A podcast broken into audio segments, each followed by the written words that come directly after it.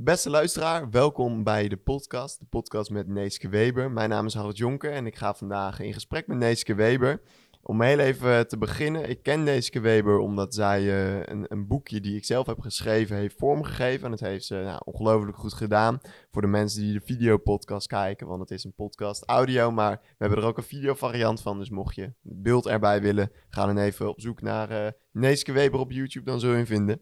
Dan, uh, dan zul je op, op de video ook een boekje zien. Het is een boekje over, over LinkedIn. Maar daar gaan we niet te veel over hebben. We gaan het hebben over, over Neeske Weber. Neeske, vertel eens, wie ben je? Laten we daar eens mee beginnen. Goedemorgen, Harold. Dankjewel voor je uitnodiging. Ik vind het echt een superleuk idee om een podcast te doen. En vandaar dat ik hier gezellig bij jou tegenover zit.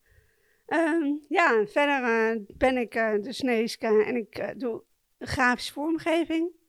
En ja, het is gewoon mijn vak. Dus um, ik ontwerp van allerlei dingen, van brochures, folders, flyers, maar ook een logo.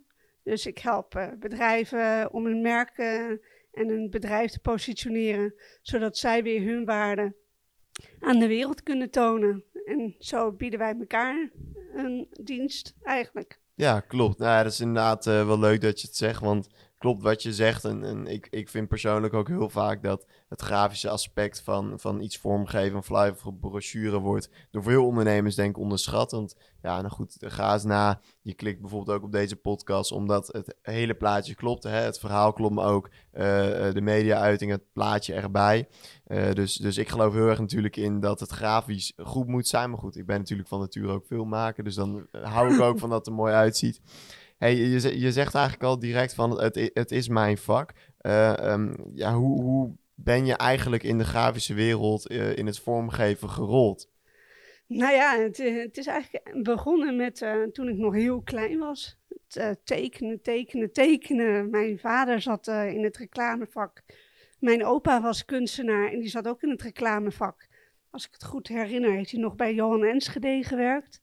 Uh, dus uh, de biljetten en de, de letterpress. Dus uh, ja, daar is het eigenlijk allemaal vandaan gekomen. Ik heb gewoon een hele creatieve familie. Dus de creativiteit zit echt in de genen, om het zo te zeggen. Ja, nou, leuk om te horen inderdaad dat het echt al vanaf de natuur erin zit gebrand eigenlijk. Maar um, hoe is het eigenlijk, laat ik het zo zeggen, hoe ziet jouw levenstijdlijn en dan even op het grafische aspect zeg maar eruit? Wat, wat is je achtergrond in de, in de grafische wereld? Uh, nou ja, ik, uh, ik heb heel veel uh, bij drukkerijen gewerkt. Um, als? Als DTP'er, okay. vormgeving DTP. Okay, ja, ja, ik heb ook bij een klein drukkerijtje gewerkt. Dus echt de geboortekaarten, de wenskaarten. was heel leuk, maar het is niet mijn ding. Oké. Okay. Dus, dus al die andere grafische vormgevers die uh, zijn echt voornamelijk gericht ook op veel uh, familiedrukwerk. Maar ik ben wat meer geëigend op de stoere technische branches. Uh, denk aan transport, aan de bouw, innovatieve technologie. Ehm, ja, eigenlijk wel van alles. En hoe dus. komt dat dat die branche jou voornamelijk trekt? Wat, wat vind jij daar zo ja, interessant Omdat ik het zelf altijd al interessant heb gevonden. Die techniek, hoe dat, hoe dat zich ontwikkelt. Uh, zometeen zijn we allemaal, uh, uh, zeg maar, weggebonjourd door de robots. Maar mm -hmm. toch blijft de menselijke handen blijven wel het belangrijkste. Want ja, ook computers kunnen foutjes maken. Ja. En kunnen down gaan. Dus de mensen moeten ook gewoon actief blijven. en zo, ja, dat vind ik het mooiste van techniek. Ja, dus eigenlijk uit persoonlijke interesse voor techniek uh, ben jij nou, vanuit je eigen vak vormgeven voor die branche gaan werken. Ja, klopt. Nou, leuk om ja. te horen. Uh, nou goed, je geeft ook al aan van ik heb eigenlijk een periode uh, in loondienst zeg maar gewerkt, hè, als bij, bij drukkers, drukkerij, et cetera. Ja. En op een dag is er een omschakeling gekomen dat je dacht, weet je, ik ga het gewoon voor mezelf doen. Hoe is dat tot stand gekomen? Nou ja, ten eerste natuurlijk omdat ik uh, twee prachtige dochters uh, kreeg. en uh, ja, mensen, bedrijven, die zijn dan niet zo blij met iemand in parttime dienst voor een, een grafische vormgever. Okay. Het is natuurlijk wel een drukke business in dat soort sectoren. Dus mensen willen liever dat je gewoon echt fulltime aan het werk bent. Dus, dus ja, als je dan liefst kinderen, een echte kinderwens hebt, dan uh, was mijn keuze snel gemaakt. Dus ik ben toen eigenlijk al druppelsgewijs voor bekenden leren ontwerpen en allerlei kleine foldertjes, uh, huisstijlen, logootjes.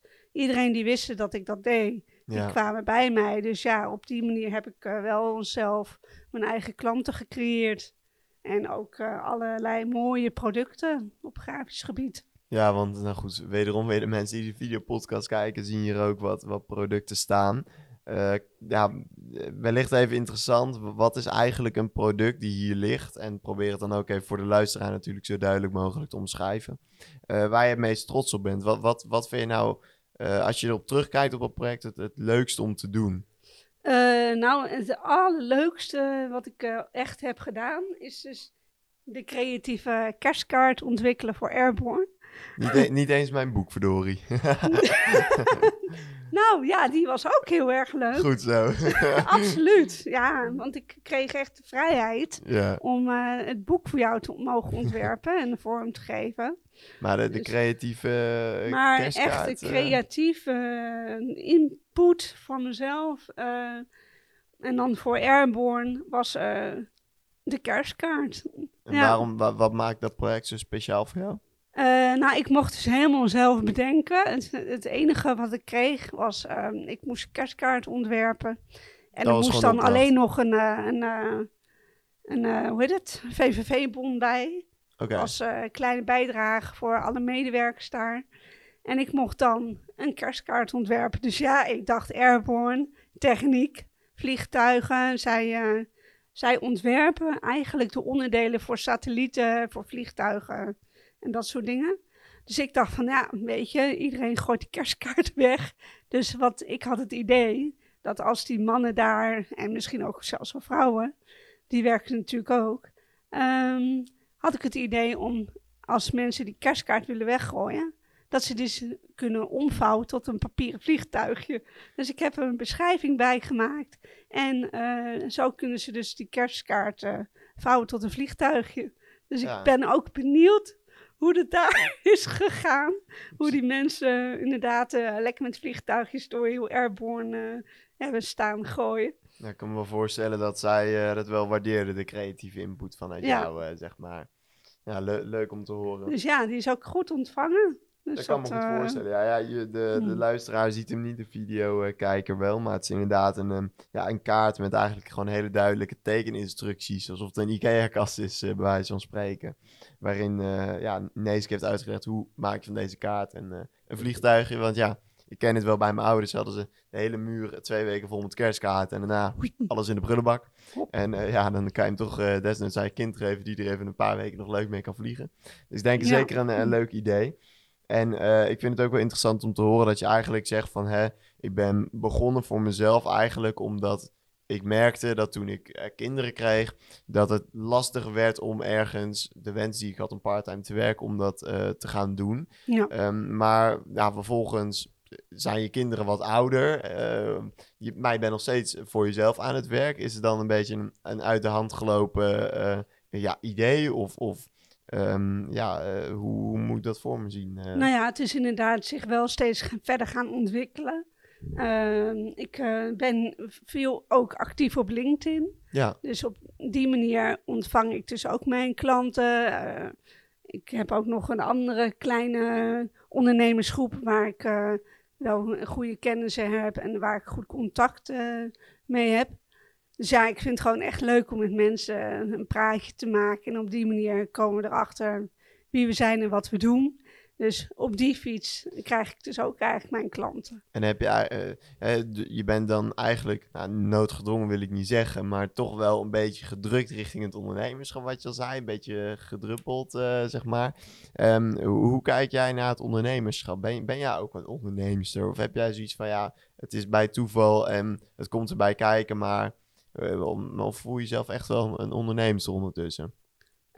Uh, nou, ik ben inderdaad wel gegroeid tot een ondernemer. ik ben misschien niet zo zakelijk als andere ondernemers. Maar goed, weet je. Kan het ik, ook jouw kracht zijn, denk ik je? heb de kracht juist inderdaad in de mensencontact. Uh, gewoon lekker een praatje maken. Uh, dus ja, op die manier ben ik wel, uh, heb ik mezelf wel heel erg kunnen ontwikkelen. En heb ik daardoor dus dat ik makkelijker mensen naar me toe trek. Is het op, op werkgebied, um, want je hebt dan een loopbaan, zeg maar. Is het op werkgebied een van de beste keuzes die je hebt gemaakt om voor jezelf te gaan beginnen? Nou, eigenlijk wel. Gewoon uh, de vrijheid, eigenlijk. Je mag je eigen regels bepalen en ook stiekem je eigen klanten. Dat als je denkt ja. van, nou, ik heb daar niks mee. Joh, sorry, maar dat is niet mijn richting uh, dan kan je die mensen gewoon op een tactische manier zeggen: joh, ik vind het hartstikke leuk die opdracht, maar het is niet aan mij. Ja, dan goed, wat je natuurlijk ook al zegt, hè, de, de, uh, de vrijheid om, om je eigen klant te kiezen, om je eigen branche te bepalen. Vanuit je persoonlijke uh, um, ja, eh, heb je gezegd van ik vind, ik vind deze technische branche onder andere interessant. Ja, dan kan je daar natuurlijk ook op, op gaan zitten qua, qua marketing of qua het zoeken naar klanten. Wat, uh, als jij vooruit mag kijken, wat, waar zie jij jezelf over vijf jaar staan? Dat is lastig, hè? Ja, dat zijn altijd van die leuke vragen. Nou ja, sowieso heb ik hem al gehad hoor. Maar um, ik denk dat ik gewoon over uh, vijf jaar nog steeds uh, voor mezelf goed bezig ben. En ik al heel veel wat grotere klanten heb. Dus, uh, dus ik werk al eigenlijk met een communicatiebureau samen, waar die ook heel veel gericht is op uh, techniek en uh, innovatie, duurzaamheid. Vind ik trouwens ook heel belangrijk. Um, dus ja, het lijkt me wel heel mooi om voor die grotere bedrijven mooie grafische producten te mogen maken. En, en komt dat ook omdat um, nou goed, ik kan me voorstellen als, als grafisch specialist geeft het een kick als je natuurlijk uiteindelijk jouw werk uh, grootschalig terugziet. Hè? Uh, een vlag of een, of een brochure die overal wordt, uh, ja, wordt uitgegeven. Of een logo die overal billboards. Ja. De, de, is de reden dat jij ambieert om met grotere partijen samen te werken ook omdat je jouw werk dan grootschaliger terug gaat zien? ja, dat vind ik op zich wel heel mooi, maar dat is niet echt stiekem mijn doel. Het is gewoon omdat ik het leuk vind. En het is echt mijn passie om uh, echt mooie producten te ontwerpen. Maar het hoeft niet per se dat ik uh, een groots gezien word of zo. Ik wil wel gewoon lekker klein blijven. Oké. Okay. Dus dat, uh, ja. En ik wil klein, is dat? Blij, klein blijven door groot te worden. Dat is een, uh, een hele bijzondere quote inderdaad.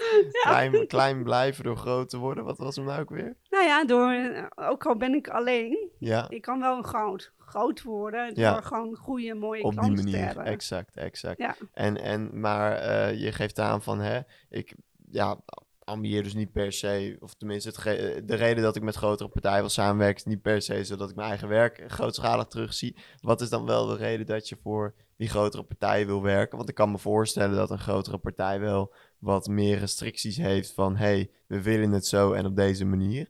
Uiteraard, dus, ja. Wordt vaak, tuurlijk. merk ik zelf wel, enigszins wat beperkter in, in, in de vrijheid. Wat, wat drijft jou dan toch om, om met die grotere partijen in contact te willen komen? Uh, nou ja, heet het? Zijn gewoon echt die mooiere grote projecten. En vaak vind ik het ook mooi om bij die bedrijven zelf uh, te kijken hoe hun processen werken. Zodat ik mij goed kan verdiepen in wie zij zijn en wat ze doen. Om op die manier een goede product af te leveren. Ja, dus eigenlijk geef je aan van hè, voor grotere partijen uh, die geven vaak wat meer ruimte, want het, het, moet gewoon één keer en het moet goed. Daar Ja. komt het eigenlijk op neer. En bij een ZZP'er is het toch al vaak van, joh, weet je, dat voortrekt kost alleen maar geld, laten we dat maar niet doen. Nee, laten we maar gewoon wat maken. En dan zie je natuurlijk ook vaak dat er wat sneller alweer wat nieuws moet komen. En jij vindt het juist leuk om wat meer tijd te stoppen om, om gewoon echt iets goeds te maken, wat een goede onderbouwing heeft, Ja. wat een goed onderzoek heeft gehad en wat eigenlijk direct helemaal matcht met het bedrijf waar het om gaat. Klopt. Ja. Nou, ik denk dat dat zo, een mooie ambitie is. Ja. Ik denk ook dat, eh, nou laat ik het zo zeggen, we nemen natuurlijk een podcast op en nou, deze stukjes zullen ongetwijfeld ook gedeeld worden her en der. Als jij ehm, eh, wat mag zeggen tegen bedrijven die eh, denken van... hé, hey, ik wil iets vernieuwends doen binnen mijn visuele uitingen. Wat, wat zou je dan tegen hij of zij zeggen? Hem of haar?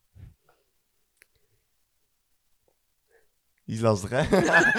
ik, ik, zie, ik zie iemand voor mij die denkt... oh, dit is lastig, dit is lastig. Ja, jeetje. Um, ja, ik, ik vind het gewoon heel erg... Eh, tof om voor een heel groot, mooi bedrijf te mogen werken. Eh, een opdracht uitvoeren.